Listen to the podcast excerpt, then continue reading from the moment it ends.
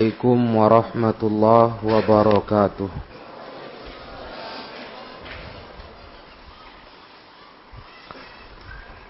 Innal hamdalillah nahmaduhu wa nasta'inuhu wa nastaghfiruh.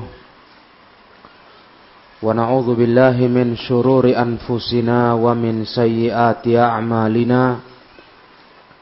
May yahdihillahu fala mudilla ومن يضلل فلا هادي له أشهد أن لا إله إلا الله وحده لا شريك له وأشهد أن محمدا عبده ورسوله يا أيها الذين آمنوا اتقوا الله حق تقاته ولا تموتن إلا وأنتم مسلمون يا أيها الناس اتقوا ربكم الذي خلقكم من نفس واحدة وخلق منها زوجها وبث منهما رجالا كثيرا ونساء واتقوا الله الذي تساءلون به والأرحام إن الله كان عليكم رقيبا يا أيها الذين آمنوا اتقوا الله وقولوا قولا سديدا يصلح لكم أعمالكم ويغفر لكم ذنوبكم ومن يطع الله ورسوله فقد فاز فوزا عظيما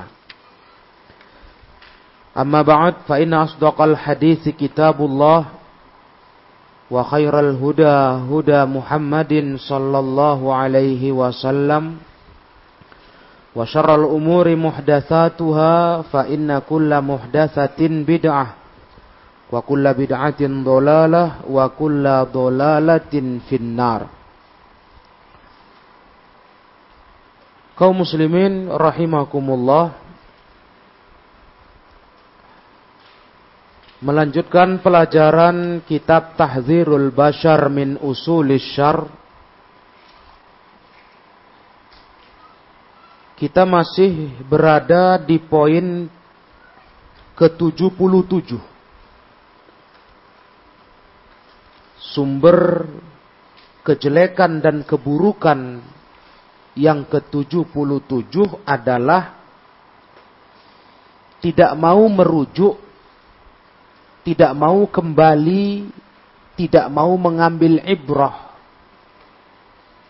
kepada al-madin nafi' cerita yang dulu, pengalaman yang lalu, yang bermanfaat untuk dipelajari. Artinya wa'asyirul ikhwah di awal kita baca poin ini ketika umat Islam ini melupakan sejarah tidak ingat apa yang dulu yang terjadi di masa lampau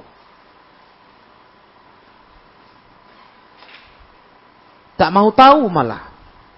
Tidak peduli. Dianggap itu cerita masa lalu saja. Ini menyebabkan umat Islam tidak bisa mengambil pengalaman. Yang pengalaman itu dibutuhkan para ikhwah. Untuk menghadapi kerusakan kehidupan yang semakin menjadi-jadi. Karena sunnatullah yang kita tidak boleh lupa. Setiap tahun bertambah. Setiap masa bergulir. Itu pasti lebih buruk daripada tahun sebelumnya. Jadi tantangan hidup kita di era sekarang ini, di masa modern ini adalah kita hidup di kondisi yang semakin jelek dalam sisi agama. Semakin buruk. Itu kata Rasulullah sallallahu alaihi wasallam dalam hadis yang sahih. Ma min amin illa wallazi ba'dahu syarrum minhu. Tidak ada satu tahun kecuali tahun berikutnya lebih buruk dari tahun sebelumnya. Begitu terus sampai kiamat tiba. Coba bayangkan para ikhwah. Kalau kita nggak punya pengalaman, nggak bisa mengambil pelajaran dari generasi terdahulu, yang itu cerita mereka itu cerita yang bermanfaat kalau dikaji. Maka hancurlah generasi hari ini dikarenakan mereka tak punya bekal, tak punya pengalaman, tak bisa punya pelajaran dari apa yang sudah pernah terjadi di masa lampau. Oleh karena itu kata Syekh dalam awal kajian kita di bulan lalu, kita harus mengajak generasi kita umat Islam ini mengingat kembali sejarah orang-orang terdahulu. Untuk yang baik-baiknya kita ambil jadi keteladanan hidup. Begitu. Ya. Dan yang buruk-buruk, pengalaman-pengalaman jeleknya, kita jadikan pelajaran. Untuk berhati-hati, awas. Umat dulu pernah binasa gara-gara ini, gara-gara itu. Dan itu di hadis Nabi pun cukup sering itu. Nabi ingatkan kita akan bahaya di masa hidup sekarang karena bahaya yang terjadi di masa hidup sekarang penyebabnya itu sudah menimpa umat dulu dan mereka pun binasa. Itu beberapa hadis kita dapati seperti itu. Ya. Jadi ma'asyiral ikhwah yang dirahmati Allah. Di bulan lalu kita sudah baca tentang bagaimana poin pertama. Kita harus mengenal sirah Nabi Muhammad sallallahu alaihi. Sirah Rasul dan orang-orang yang bersama beliau para sahabat yang mulia. Umat ini anak-anak kita, generasi kita harus dikaji ulang lagi kaji ini ke mereka, diajarkan lagi. Iya. Supaya mereka faham bagaimana sang panutan umat manusia ini, junjungan kita Nabi Muhammad sallallahu alaihi wasallam dengan segala sifat mulianya. Begitu pula para sahabat-sahabat beliau dengan sifat mulianya yang masya Allah di poin pertama Syekh membawakan sifat-sifat mulia mereka sekian banyak. Jadi timbul dalam hati generasi Islam hari ini kerinduan untuk meneladani mereka. Untuk menjadikan mereka sebagai panutan hidup. Ya, karena berapa banyak hari ini kita akui para ikhwah. Generasi Islam ini disodorkan figur-figur orang-orang zaman sekarang. Dengan segala kelebihannya katanya. Dengan segala keunggulannya. Padahal figur-figur itu nggak ada apa-apanya ma'asyirul ikhwah. Kalau kita lihat kepada generasi salafus saleh. Kalaupun betul figur-figur di zaman sekarang ini orang soleh. Itu pun kalau belum mati dia, belum aman, Orang hidup masih rawan untuk berubah. Makanya kita dilarang dalam Islam ini punya prinsip prinsip fanatik kepada sosok tertentu. Fa'inal hayy la tu'man alaihil fitnah. Orang hidup itu nggak aman dari fitnah. Dia belum final. Ketika generasi hari ini butuh contoh, butuh panutan, tapi yang disodorkan orang-orang di zaman kita, bayangkan. Ia kalau soleh, masih lebih lumayan, lebih ringan resiko buruknya. Bagaimana kalau toleh, orang-orang yang tidak baik, hancurnya generasi kita banyak dari situ ikhwah. Salah mengambil contoh, salah mengambil suri ketauladanan yang disodorkan kepada generasi kita ini sosok-sosok yang tak pantas diikuti, tak pantas diikuti. Tak cocok jadi contoh dalam kehidupan. Maka mengenal sirah Nabi Sallallahu Alaihi Wasallam akan mengajak masyarakat kita, masyarakat Islam, mau meneladani beliau dengan akhlak-akhlak mulianya. Mau meneladani para sahabat beliau dengan akhlak-akhlak mulianya. Dengan keluhuran perilaku mereka yang luar biasa. Itu yang pertama caranya, kata Syekh. Untuk kita jangan jatuh ke poin 77. Melupakan sejarah masa lalu yang bermanfaat. Solusi pertama, kita belajar sirah Nabi, mengenal sejarah Nabi, bagaimana sahabat Nabi, itu harus. Jadi ada figur-figur di hadapan kita yang pantas kita tiru. Kita rindukan untuk menjadi seperti mereka.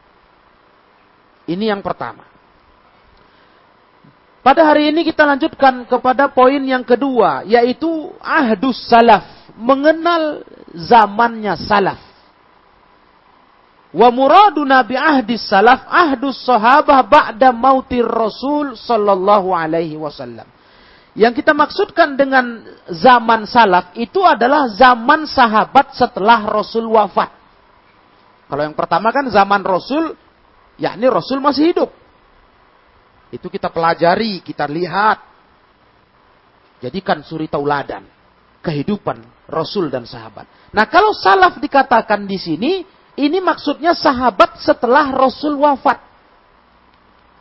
Begitu pula wa'adut tabi'ina wa tabi'ihim. Yang dimaksud salaf juga adalah zaman tabi'in, murid sahabat.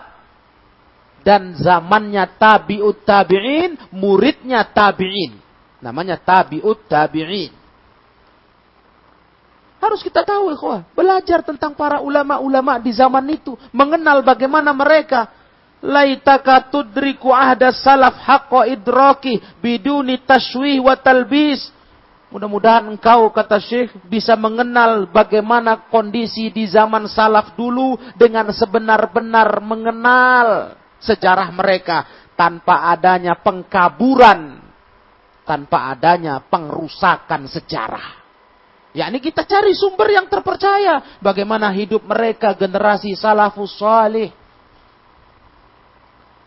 Ya, hitung-hitungan sederhana saja lah, ikhwan. Kalau cerita orang hebat, kan begitu sifat manusia ini. Cenderung manusia ini kan mau meniru, meneladani orang yang dia pandang hebat. Dia pandang unggul dari dirinya. Nah, kalau kita cerita itu, kira-kira mana lebih hebat? Dalam soal ketakwaan kepada Allah, dalam soal ketundukan ke agama dan berperjuangan untuk Islam, kita, generasi kita, sehebat apa pun dia, dibanding generasi salaf. Itu dulu. Kan begitu sifat manusia. Kalau lihat orang yang dari dia, kagum. Langsung dijadikan teladan. Cakapnya diingat, disampaikan, disebarkan. Kira-kira ada yang lebih unggul dari salafus salih. Ini kalau cerita agama, cerita takwa. Siapa?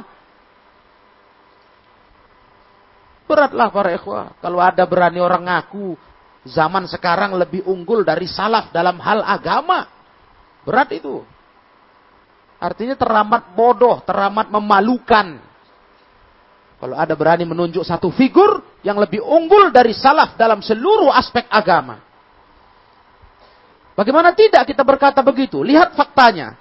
Falaqad hasala fi ahdi Abi Bakri, Bakrin As-Siddiq wa huwa khalifatul muslimin wa ma'ahu as-sahabatul kiram munazalatal murtaddin. Lihat di zaman Abu Bakar As-Siddiq khalifahnya umat Islam bersama para sahabat di masa itu mereka lah yang berhadapan dengan orang-orang murtad. Yang kalau waktu itu gagal, ikhwah, semua kita tahu. Akibatnya apa? Kalau sampai zaman Abu Bakar gagal meredam pergolakan orang murtad, kita hari ini tak punya Islam. Betul tidak? Kalau gagal, gagal menumpas, membungkam orang murtad di zaman Abu Bakar yang ketika Rasul wafat bergolak.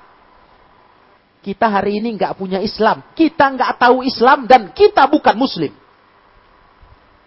Padamlah sudah Islam. Kalau sempat menang orang murtad hari itu. Lihat hebatnya zaman Abu Bakar As-Siddiq. Siapa mau berkata? Siapa mau angkat dada? Ngusung dada? Ada yang lebih hebat dari beliau.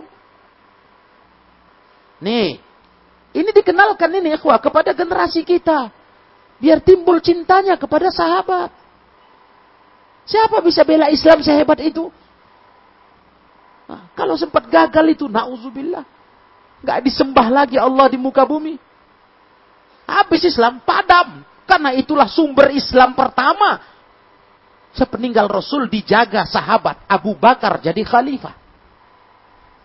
Begitu pula para ikhwah wa hasala fi ahdi Umar munazalatul furs war rum daulatanil azimatani fa fi dzalikal waqt. Lihat lagi zaman Umar ibn al-Khattab waktu jadi khalifah. Di zaman itu beliau memimpin umat Islam para sahabat untuk memerangi menghadapi Persia dan Romawi yang kita semua tahu keduanya adalah dua kekuatan, dua negara besar di zaman itu.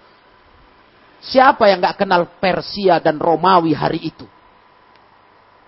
Dua kekuatan yang menakutkan. Punya kekuatan kejayaan yang tidak diragukan. Tapi lihat para eko yang mulia. Tumbang di bawah pemerintahan Khalifah Umar ibn al-Khattab. Siapa lebih hebat dari itu? Hari ini siapa yang sudah berjuang untuk Islam bisa menumbangkan kekuatan besar orang-orang kafir seperti Persia Romawi di zaman Umar ibn al-Khattab? Siapa? Siapa sosoknya? Carikan. Itu, wah, pentingnya kita mengenal sejarah salaf.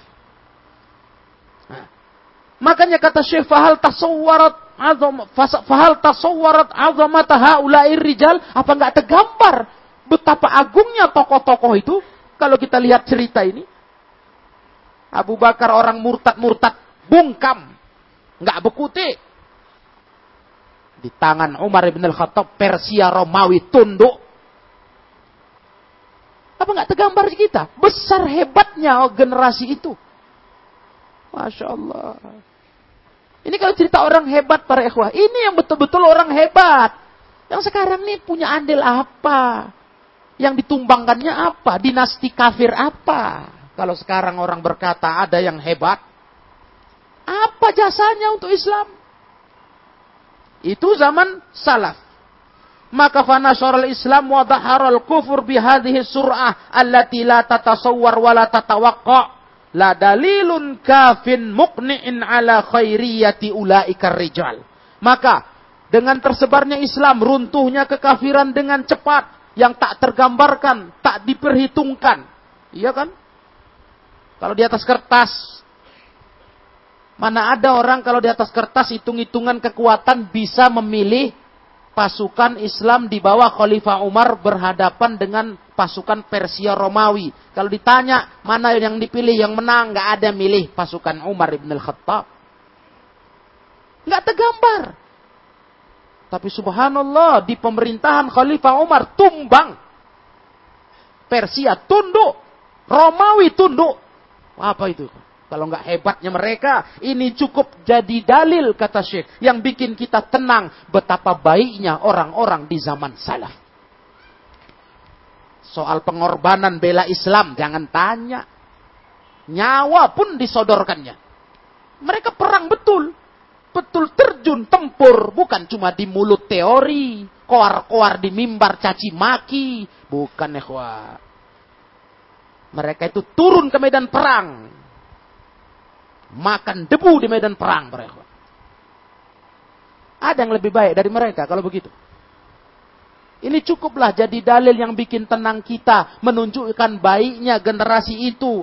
Walakin khairiyatu tafuku khairiyatul basyariyah min ba'dihim. Dan kebaikan mereka itulah kebaikan yang melebihi kebaikan manusia sepeninggal mereka. Makanya manusia terbaik itu generasi salaf, salafus salih. Itu makanya kita bangga. Pengikut salaf. Berusaha, terus berusaha. Di tengah orang malah merasa gengsi. Kok ikut orang kuno-kuno dulu. Itu karena otaknya nggak masuk ilmu ini. Nggak paham dia. Siapa salaf itu? Kalau paham, ya kebanggaan lah ikut salaf. Orang-orang hebat, orang-orang top. Pengikut orang-orang hebat, siapa yang nggak bangga? Itu salafus salih. Para jemaah yang saya muliakan. Undur ila zuhdihim. Ditambah coba lihat lagi kata Syekh. Betapa zuhudnya mereka. Dengan begitu besar jasa mereka. Begitu hebat perjuangan mereka. Mereka orang-orang zuhud. Orang-orang yang begitu wara'ihim wara' rahmatihim wahayatihim ma'ummatihim. Betul-betul penuh kasih sayang ketika mengayomi umat dan masyarakatnya. Umar ibn al-Khattab Rasanya satu kajian siang ini kalau bicara sosok Umar nggak siap. Di bawah ke, kepemimpinannya tumbang Persia Romawi, tapi hidupnya paling bersahaja. Jalan ke mana-mana tanpa pengawalan dengan sepotong tongkat. Sampai banyaknya pasukan Islam bahkan ada yang tak mengenal beliau. Saya sudah sampaikan satu kisah itu kepada ikhwah. Ketika Umar bin Al-Khattab radhiyallahu taala anhu berjalan tanpa pengawalan dengan pakaian biasa dengan membawakan tongkatnya. Tiba-tiba ada satu orang berkuda memacu kuda dengan cepatnya mau pulang ke kota Madinah, mau melapor kepada khalifah, pasukan kita menang. Subhanallah, karena Umar nggak berpenampilan sosok orang yang besar, orang yang mewah, ini penunggang kuda lewat saja. Umar panggil dia pun tidak menoleh. Begitu sampai kota dia tanya, mana khalifah? Khalifah tadi di luar di jalan itu. Nggak berpapasan kau dengannya. Terkejut ini penunggang kuda. Astagfirullah. Balik dengan cepat langsung minta maaf. Sampai tak tahu dia. Khalifahnya. Sang pemimpin yang menaklukkan Persia Romawi. Coba ya zuhudnya, waroknya. Yang begini ini mau kita tinggalkan. Generasi begini mau kita abaikan. Aduh, kalau generasi hari ini entahlah sudah. Baru sedikit punya kelebihan, besar betul kepalanya. Baru sedikit punya jasa, hebat betul ceritanya. Koar-koar ke sana kemari. Bagaimana kita nggak mau meninggalkan, nggak mau merujuk kepada salaf? kita bersikeras tak mau meninggalkan salaf. Karena generasi itu teramat, teramat baiknya. Betul-betul idola. Generasinya para salafus salih ridwanullah alaihim ajma'in. Kemudian tajidu ma'ajiz ta'ajizat anhul umma min ba'dihim. Wa kaifala wa qad hakamu bil Qur'ani was sunnah wa sayyaru ra'iyatahum ala dhalik. Sungguh kau dapati mereka melakukan apa yang umat ini tak sanggup melakukannya. Karena mereka bagaimana tidak begitu. Mereka berhukum dengan Quran Sunnah. Kita belum sanggup dengan Quran Sunnah yang betul-betul. Dan mereka membawa masyarakat rakyatnya kepada Quran Sunnah. Itulah pemimpin di masa dulu. Figur begini tak dapat di masa sekarang. Hah. Berislamnya itu total. Bukan hanya sekedar mencari perhatian. Iya, bukan. Tapi total. Menegakkan Quran Sunnah, membawa rakyat kepada Quran Sunnah, mengamalkan Quran Sunnah. Itulah generasi salaf. Nah, jadi ini para ikhwah yang dirahmati Allah, yang harus diajak kembali umat Islam merenungkannya. Dikenalkan mereka sejarah ini, diajarkan. Supaya mereka mengambil ibrah ambil pelajaran. Mereka bisa dapat modal menghadapi kehidupan yang yang begini mengerikan. Yang semakin menjauhkan umat dari Allah subhanahu wa ta'ala. Yang ketiga, kata Syekh, Al-firqatun najiyah wal mansurah. Kita harus mengenal kelompok yang selamat yang ditolong Allah Subhanahu wa taala. Nah, ini generasi lagi di bawahnya. Kalau yang pertama Rasul dan sahabat, yang kedua salaf yakni sahabat yang hidup sepeninggal Rasul dan tabi'in serta tabi'ut tabi'in. Yang ketiga yang berikutnya di bawah mereka. Itulah al-firqatun najiyah, kelompok yang selamat yang ditolong Allah. Ad'uka ila an ta'rifa madil firqatin najiyatil mansurah. Aku ajak engkau, kata Syekh. Aku ajak kalian untuk mengenal bagaimana sejarahnya al-firqatun najiyah wa um wa hum ahlul hadis. Mengenal ahlul hadis. Al-firqatun najiyah ikhwah adalah ahlul hadis. Falakot kanat lahum mawakifu bayyadat wajhal Islam. Mereka punya peran-peran untuk memutihkan wajah Islam. Ya, generasi sepeninggal tabi'in ke bawah. Masya Allah. Termasuklah generasi empat imam mazhab. Ya. Mereka punya andil besar untuk memutihkan wajah Islam. Wa anaratit tariq wa kasyafat andasa isid dakhil. Mereka menerangi jalan hidup dan mereka menyibak menyibak apa yang disusupkan ke dalam Islam dari para penyusup. Banyak yang disusupkan. Banyak ya. Ketika bid'ah muncul, ah ini yang berbahaya. Maka peran para ulama ahlus sunnah al-firqatun najiyah ahlul hadis sangat luar biasa. Mereka lah yang maju, terdepan, menghadang apa yang disusupkan ke dalam Islam dari bid'ah-bid'ah, dari ajaran-ajaran di luar Islam. Falakat waqafa ahlul hadis bil mirsadi likulli marik Sungguh telah tegak ahlul hadis bersiaga menghadapi semua yang mau merusak agama. Fakot wakafu amaman hirafatil khawarij. Mereka tegak berhadapan dengan penyimpangan orang khawarij. Iya. Khawarij ikhwah. Itu gerakan yang luar biasa. Menyesatkan masyarakat. Nggak tanggung-tanggung. Di zaman Khalifah Ali bin Abi Thalib saja ribuan umat Islam ngikut mereka. Masih ingat Ibnu Abbas minta izin kepada Khalifah Ali sebelum Ali memberantas mereka. Ibnu Abbas minta izin, izinkan aku menasihati dulu. Setelah itu baru kita kita habisi mereka. Kita berantas. Di dalam sirah dikatakan, setelah Ibnu Abbas menasihati berdialog, 2000 pasukan itu tobat. Itu yang tobat ikhwah.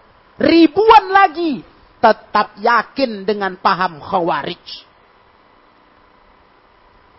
Siapa yang tegak terus menjaga agama ini dari rongrongan kelompok sebesar khawarij? Para ulama salaf. Para ulama ashabul hadis. Ulama-ulama setelah zamannya tabi'in, tabi'ut tabi'in yang terus tegak menghadapi penyimpangan khawarij. Begitu pula wadolalir rawafid wadasa isiha dan kesesatan kelompok syiah rafidah. Dengan segala apa yang mereka sisipkan, mereka susupkan ke Islam. Itu para ulama. Mereka pasang badan demi keselamatan umat. Kalau sempat mereka diam, Hari ini kita nggak tahu bahaya khawarij, nggak ngerti bahaya rafidah syiah, nggak ngerti. Kalau mereka diam, tapi mereka bicara dengan segala resiko. Begitu pula wazail mu'tazilah, penyimpangan orang mu'tazilah, wal jahmiyah, wa khurafatis sufiyah, wa takhabbutatil asy'ariyah. Ulama-ulama itulah yang maju di depan menghadapi penyimpangan Mu'tazilah dan Jahmiyah. Begitu pula khurafat kaum Sufi. Sufi dikenal dengan khurafatnya, cerita-cerita bohongnya. Khurafat. Begitu pula takhabbutatil asyariyah. Ya. Takhabbutat itu adalah cerita-cerita yang mengacaukan dari ocehan orang asyariyah. Lihat hari ini ya, bukti saja setelah ulama dulu sudah tegak pasang badan, masih, masih tidak, masih sampai sekarang. Sedih kita lihat, lihatnya. Tapi sekarang, kelompok-kelompok sesat ini tetap merajalela mempengaruhi umat. Ditambah muncul figur-figur yang mengagumkan. Figur-figur yang sangat menyenangkan dalam ceramahnya. Ternyata mereka mengusung faham Ash'ari, Mu'tazili, Jahmi. Bayangannya wah, kalau ulama dulu nggak bicara. Habislah sudah. Kita pun nggak ngerti. Ini Ash'ari ya luar biasa ini.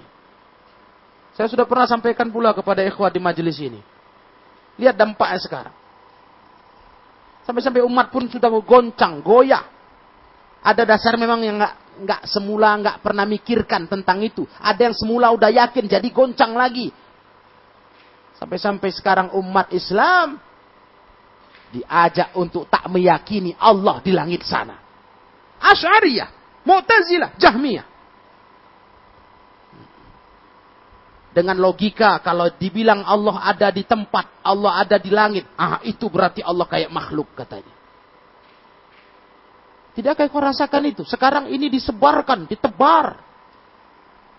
Hah. Bagaimana umat yang nggak tahu, ya langsung percaya? Iya juga. Yang tahu saja bisa goyah. Iya ya. Kayaknya betul Allah nggak di langit katanya. Karena Allah bertempat berarti Allah nggak butuh tempat. Allah nggak kayak kita. La ilaha illallah. Jadi Allah di mana? Di mana? Kira-kira adakah sesuatu arah yang itu bukan tempat. Nggak ada. Semua ada tempat. Mau di atas, di bawah, kanan, kiri, depan, belakang, tengah. Semua tempat. Jadi Allah di mana? Astagfirullah. Ini kebingungan yang ditawarkan Ash'ariyah dengan kesan membela Allah dari keserupaan dengan makhluk. Kita sekarang bisa bantah kenapa ikhwah? Karena ulama-ulama dulu punya jasa menyampaikan ilmu. Kita bisa bantah dengan gampang. Karena kita dapat warisan salaf. Nah, itu coba ingat-ingat. Ingat itu jasa mereka.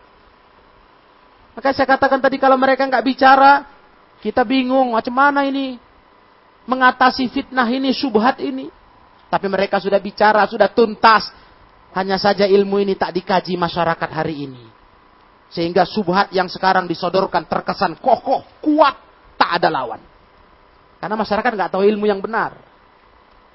Nah, begitulah ma'asyiral ikhwah rahimakumullah. Wa qabla hadza amama dasaisil mulahidatil batiniyah dan sebelum itu mereka sudah pasang badan menghadapi penyimpangan-penyimpangan yang disusupkan oleh orang-orang yang ilhad, orang-orang yang kufur kepada Allah, orang-orang batiniyah, kelompok batiniyah.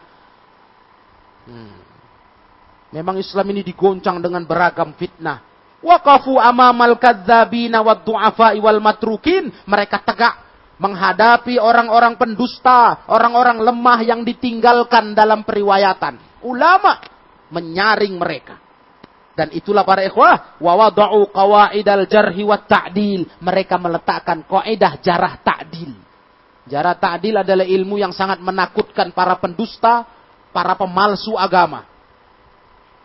Ilmu jarah wa ta'dil sehingga kalau mereka berani coba-coba mau merusak agama ini, dibongkar dengan ilmu ini. Ulama yang meletakkan ilmu itu. Ilmu jarak ta'dil. Ilmu untuk menilai buruk seseorang, untuk menilai bagus seseorang. Kepribadian dia, kepercayaan kita untuk mengambil riwayat dia. Itu ilmu jarak ta'dil. Masya Allah ilmu ini menjadi alat umat Islam sampai sekarang dan sampai kiamat nanti untuk membongkar kedok siapa pun yang coba-coba merusak Islam. Allati dalat ala muda inayatihim bihifzi hadzal din. Ini menunjukkan bagaimana panjangnya perhatian mereka untuk menjaga agama kita, agama Islam. Itulah generasi ahlul hadis, para ulama-ulama terdahulu. Fahum hurrasu din mereka para penjaga agama ini. Wadzabuna anhu kulla syaibatin ila qiyamis sa'ah. Mereka yang membela. Yang membela para ikhwah agama ini mereka bela dari semua yang mengacaukannya. Sampai kiamat. Walaupun orang-orang tokoh-tokohnya udah meninggal. Ulama-ulama itu. Tapi ilmu yang mereka wariskan. Ini menjaga dan membela agama sampai kiamat. Makanya para ikhwah, salah satu yang sekarang sangat ditakuti dan sangat dianjurkan untuk jangan lagi diungkit adalah ilmu jarah wa ta'dil. Maka muncul istilah begitu. Sudahlah, jangan kita sibuk kali mengkritik kesalahan, kebid'ahan, tokoh-tokoh. Sudahlah, yang penting persatuan Islam, persatuan Islam. Ini karena mereka takut.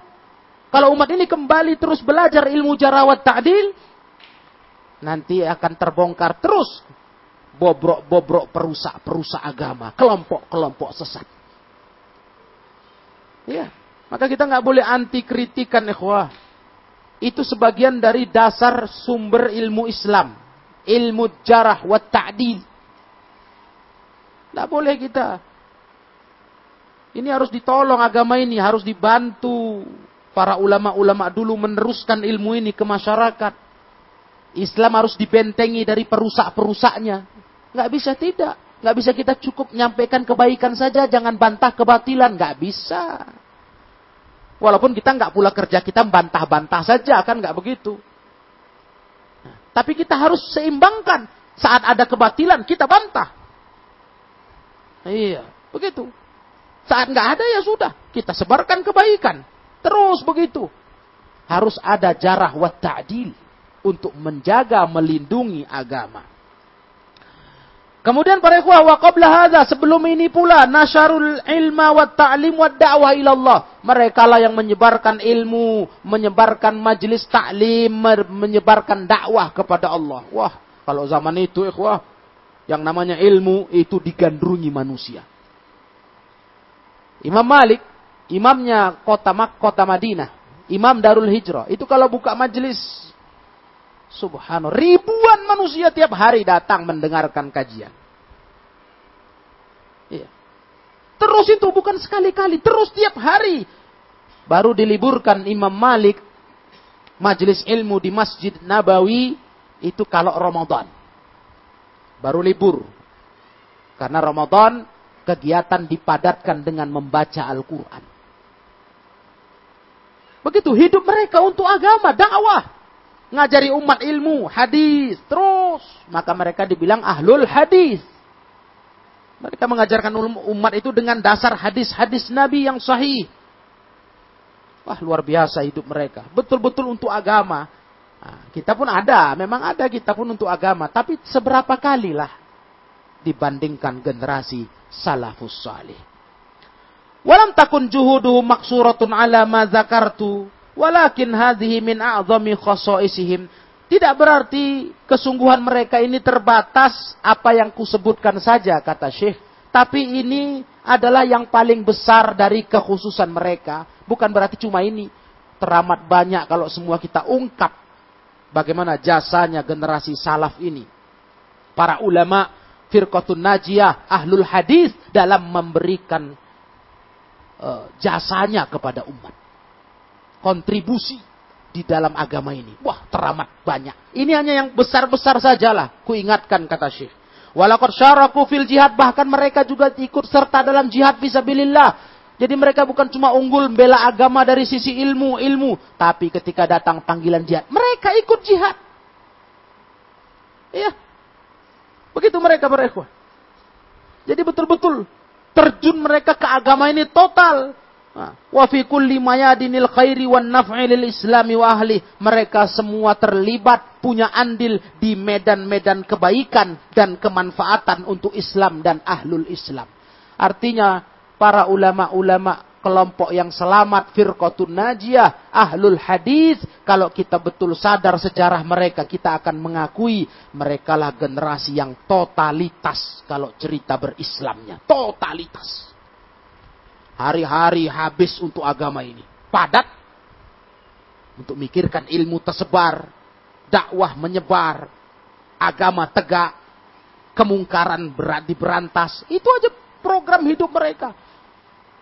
Gak tanggung-tanggung ikhwah. Jadi kalau cerita soal jasa-jasa dalam agama, janganlah dibandingkan jasa orang sekarang dengan generasi dulu. Kita jasa kita apa kali sih?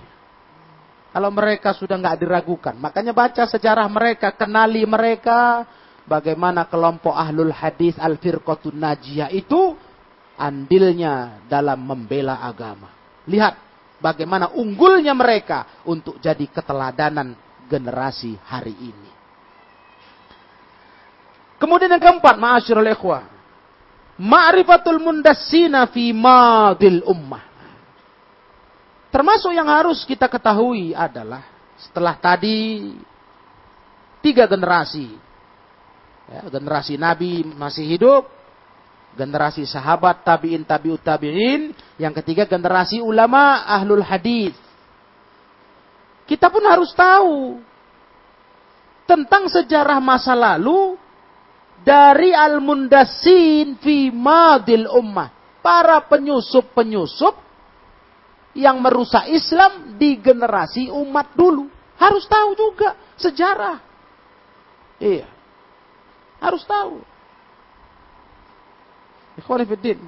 Artinya kita kenal generasi yang baiknya, yang buruk pun kita kenal. Supaya apa? Hati-hati. Nah, ambil pelajaran, itulah mahalnya pengalaman. Cuman di sini ceritanya bukan pengalaman hidup karena kita belum hidup di masa dulu. Pengalaman kita ambil dari ilmu sejarah tentang mereka. Nad'u ila ma'rifatil mundassina fil ummatil islamiyah alladzina kanu sababan li husulin nakbati wal hazaimi lil ummah.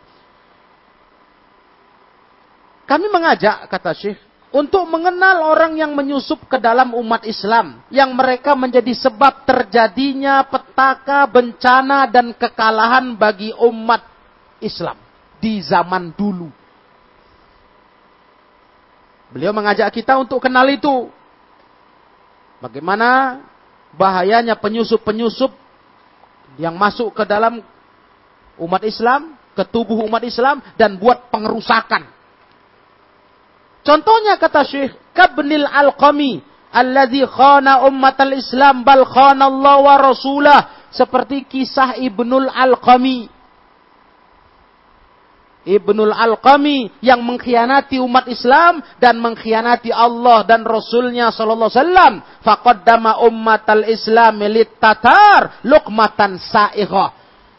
Yang dia tega Ibnul Al-Qami ini tega menyuguhkan umat Islam seperti santapan lezat untuk bangsa Tatar Mongol. Wah, para ikhwah. Ibnul Al-Qami supaya kita semua sama tahu jadi pelajaran. Itu sejarah yang begitu pahit dikenang. Sejarah yang membuat kota Baghdad banjir darah. Nanti kau boleh cari kisah itu dan bacalah. Baghdad, Irak. Ini Masya Allah, di masa pemerintahan Al-Mansur, di pertengahan abad 2 Hijriah, sekitar tahun 150-an Hijriah. Ini luar biasa. Menjadi kota yang maju, pesat, baik secara peradaban Islam maupun ekonomi.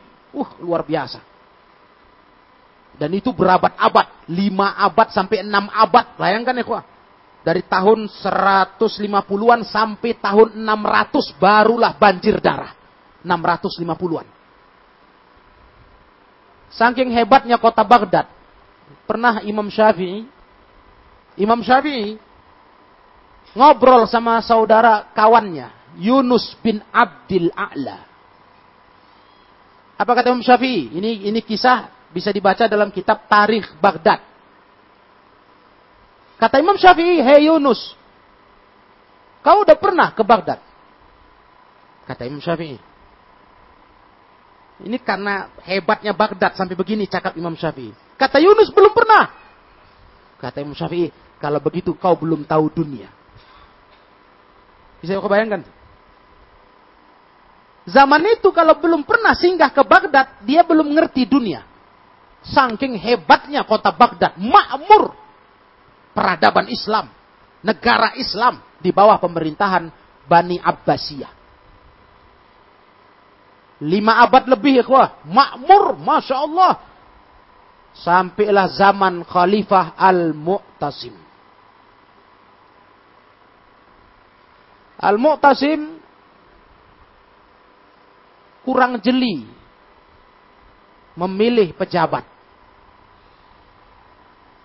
Dia pilih salah satu pejabatnya bernama Ibnul Al-Qami. Ini salah satu pejabat negara ini, si pengkhianat ini. Ibnul Al-Qami ini rupanya ikhwani fiddin adalah seorang Syiah Rafidah. Bayangkan ikhwan, dia ternyata menaruh dendam ke penduduk kota Baghdad. Kenapa?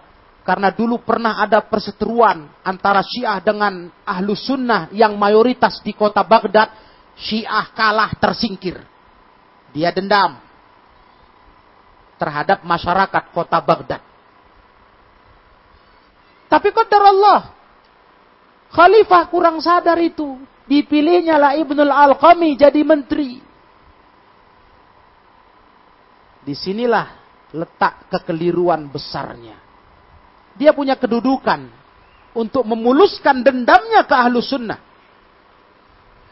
Akhirnya pada, pada tahun 600-an Hijriah, 650 sekian Hijriah, ikhwah. Nah, di situlah tentara Mongol, Tatar, dengan kaisarnya Hulagu Khan, membawa 200 ribu pasukan untuk menyerang Baghdad. Di sinilah pengkhianat Ibnul Alqami memanfaatkan situasi. Karena dia merasa didengar khalifah, dia kasih ide-ide. Dari awal dia sudah kurangi pasukan. Alasannya menjaga kas negara, penghematan. Pasukan dikurangi. Sampai sudah mantap kelemahan ada di tubuh negara Islam ini, khalifah Islam ini, dia kasih kabar kelemahan-kelemahan Baghdad kepada pemerintahan Tatar Mongol. Sampailah masa penyerangan tiba. Itu para dengan liciknya Ibnul Alqami menggiring khalifah keluarganya dan para pejabat-pejabat lain untuk bertemu dengan Hulagu Khan tadi negosiasi. Bawa 700 pasukan. Habis. Tinggal sisa 17 dalam sejarah. Yang lain dibantai. Bayangkan. Apalagi daya kekuatan ketika khalifah sudah ditangkap, sudah dikuasai oleh Tatar Mongol kafir. Barulah mereka serang kota Baghdad. Dan mereka habisi hampir dalam sejarah dikatakan satu juta lebih nyawa hari itu melayang mereka tak pandang bulu. Laki, perempuan, tua, muda, anak-anak dibantai. Astagfirullah. Maka dibuat ulama judulnya dalam sirah. Baghdad banjir darah. Itu mereka potong, mereka sembelih. Siapa pun. Kecuali yang sembunyi. Di antaranya di rumah si pengkhianat Syiah Rafidah Ibnul Al-Qami. Tapi Allah Maha Adil para ikhwah yang dirahmati Allah. Setelah jatuhnya pemerintahan khalifah yang didasari pengkhianatan Ibnul Al-Qami. Akhirnya Ibnul Al-Qami pun dikhianati oleh tentara Mongol. Dia berharap dia dapat kemuliaan, puas dia, pembalasan kepada ahli sunnah yang menghabisi dulu kelompok Syiah Rafidah di negeri Baghdad. Ternyata dia dikhianati, ikhwah. Dia dihinakan, Sampai dia diejek oleh penduduk Baghdad yang selamat. Kalau dulu dia keluar dari istana khalifah dikawal bak raja. Sekarang dia keluar dengan keledai tuanya. Tanpa pengawalan. Tanpa penghormatan. Apa kata masyarakat yang masih kenal sama dia dan masih ingat pengkhianatannya. Hei Ibnul Al-Qami. Kau rasakan ini. Enggak kau ingat dulu perlakuan Banil Abbasiyah kepadamu memuliakan kau. Sekarang kau rasakan penghinaan ini. Akhirnya malu malu, nggak sanggup ketemu orang, sembunyi di rumah, malu. Tiga bulan setelah itu dia mati. Ini Ibnul Al-Qami yang disinggung oleh Syekh dalam kitab kita. Itu seringkas sejarahnya. Menteri berpaham Syiah Rafidah yang mengkhianati pemerintahan Al-Mu'tasim di Baghdad sampai banjir darah. Ya, satu juta lebih nyawa lenyap para Mengerikan sekali suasana itu kata ulama. Nah ini kita kenal kata Syekh. Kita tahu harusnya. Sejarah pengkhianatan ini. Pengkhianatan ke umat Islam. Pengkhianatan ke Allah dan Rasulnya. Sampai-sampai baba fi dhihabi khalifatil muslimin. Dia jadi sebab hilangnya kekhilafahan umat Islam. Iya. Setelah itu. Baghdad dikuasai Tatar Mongol kafir. Karena tumbang sudah. Khalifah sudah dibunuh, keluarganya dibunuh habis. Ini sebab pengkhianat ini. Watajarro al muslimuna anwa'an minal mararat. Dan kaum muslimin sejak itu merasakan betul-betul banyak kepahitan hidup. Sakit kali hidup setelah itu. Yang masih hidup, yang masih beriman, masih jadi Islam, tak dibunuh. Itu merasakan pahitnya hidup. Sengsara, Baghdad yang begitu jaya dengan kebanggaan Islamnya padam. Ini torehan sejarah yang mengerikan. Memilukan, baca itu memilukan. Menyedihkan hati kita. Nah, lihatlah dampak penyusup-penyusup ini di Islam. Nah, makanya hati-hati dari kelompok sesat. Hati-hati apalagi dari Syiah Rafidah. Ya. Kita mohon sama Allah. Kita minta sama Allah nah, petunjuknya, pertolongannya dan perlindungannya. Ya kan? Ketika kita melihat adanya orang-orang berpaham Syiah yang punya kedudukan jabatan di negara ini. Hanya kepada Allah kita mohon perlindungan. Karena dendam mereka kepada ahli sunnah itu nggak pernah padam. Awas, belajarlah jadi belajarlah dari sejarah. Jangan lupakan sejarah. Jangan lupakan sejarah. Waqablahu Abdullah bin Sabah. Sebelum dia ada lagi, wah, sebelumnya Ibnul Al-Qami Abdullah bin Sabah. Siapa nggak kenal Abdullah bin Sabah? Alladhi atoha bil khalifati Uthman radhiyallahu anhu dassa fil muslimina fi ahdi Ali. Siapa yang nggak kenal Abdullah bin Sabah yang telah menikam kekhilafahan Uthman bin Affan, memprovokasi orang sampai orang-orang itu memberontak, menyerang masuk ke rumah Uthman dan menikamnya. Kita nggak lupa itu. Sampai orang begitu ganas nengok Uthman bin Affan, khalifah, menantu Rasul. Tega mereka membunuh Uthman di rumahnya. Dalam satu sejarah bahkan istri yang menghalangi ditebas putus tangannya. Astagfirullah. Abdullah bin Sabah, ini yang nyusup ke dalam tubuh umat Islam dan dia pun nyusup ke kaum muslimin di masa Khalifah Ali. Dia yang membuat memprakarsai muncul khawarij, dia pula yang memprakarsai munculnya Rafidah.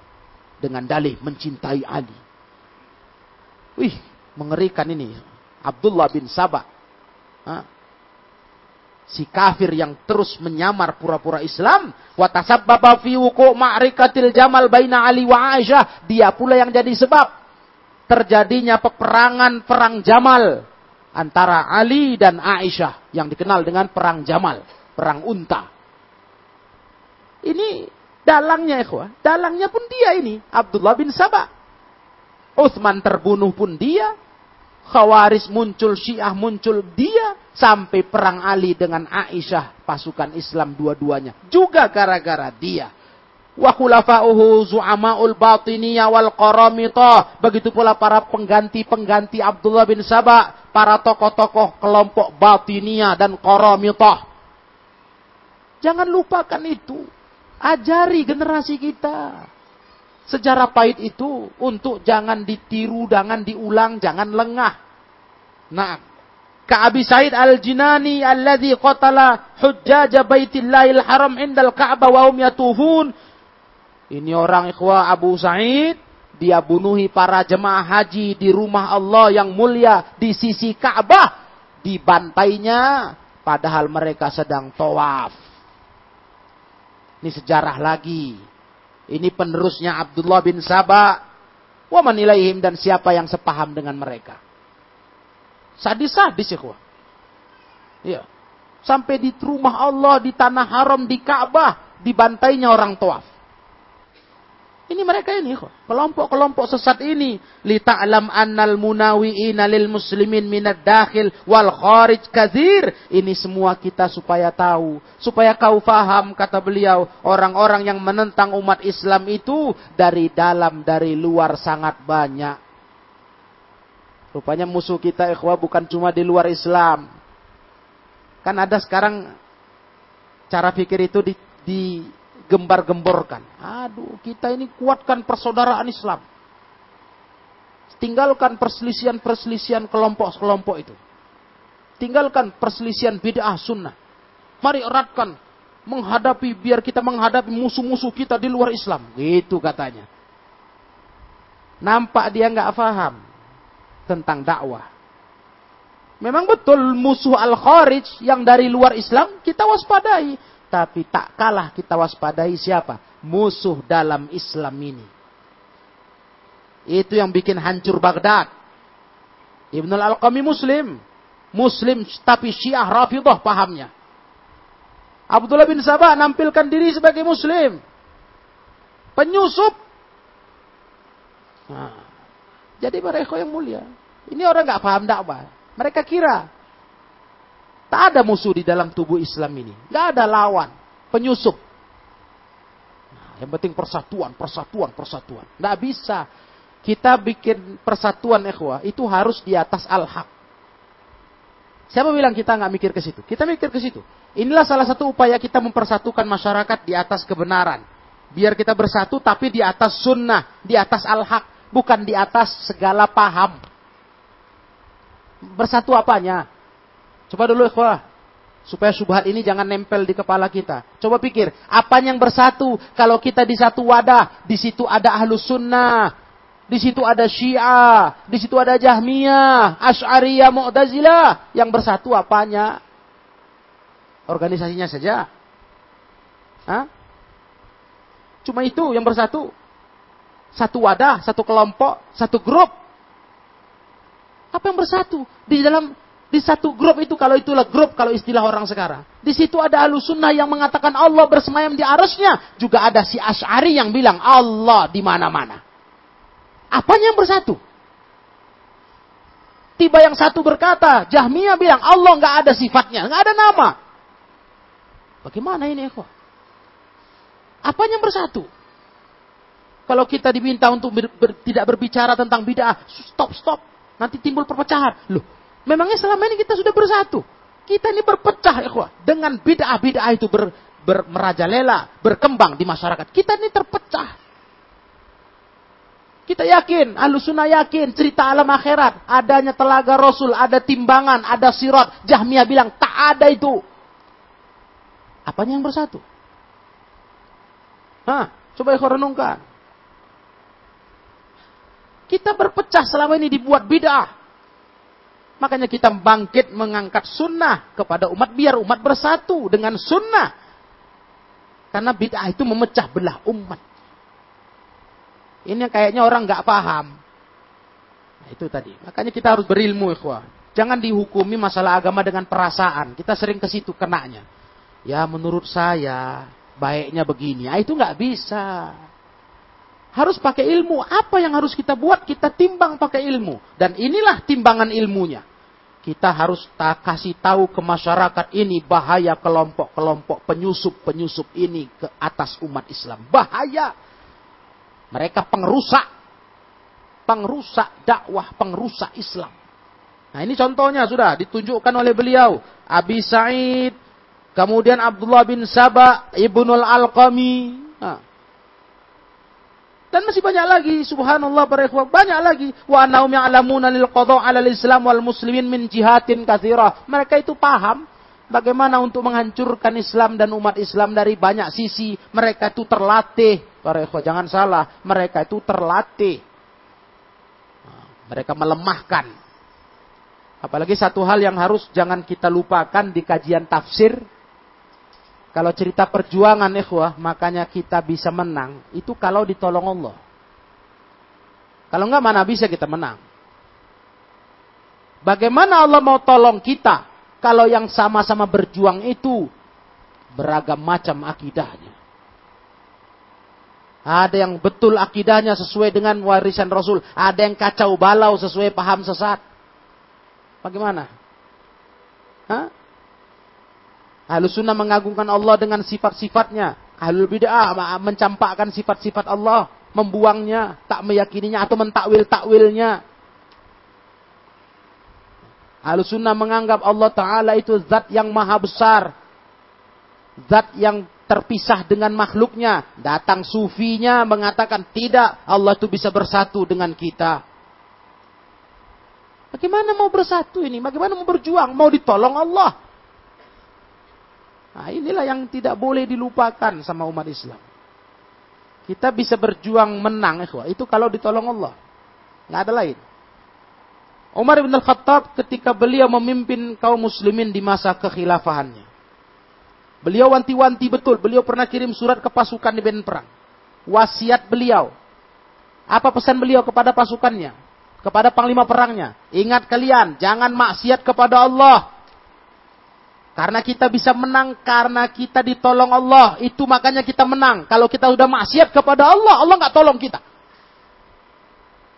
Itu Umar paham betul apa yang bikin beliau bisa menang, menaklukkan Persia Romawi nggak tanggung-tanggung.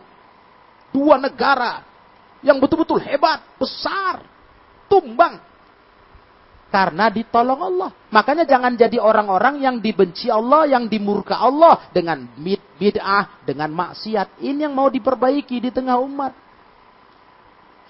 Nah, makanya kalau kita dinilai mungkin pecah belah, tentunya itu penilaian yang salah.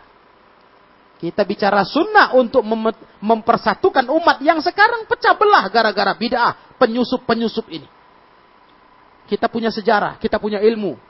Bagaimana dahsyatnya permainan mereka merusakkan Islam ini. Nah, ma'asyiral ikhwah yang dirahmati Allah tabaraka wa taala.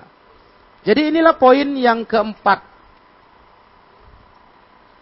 Dalam pelajaran kita di kajian awal bulan ini dari poin ke-77.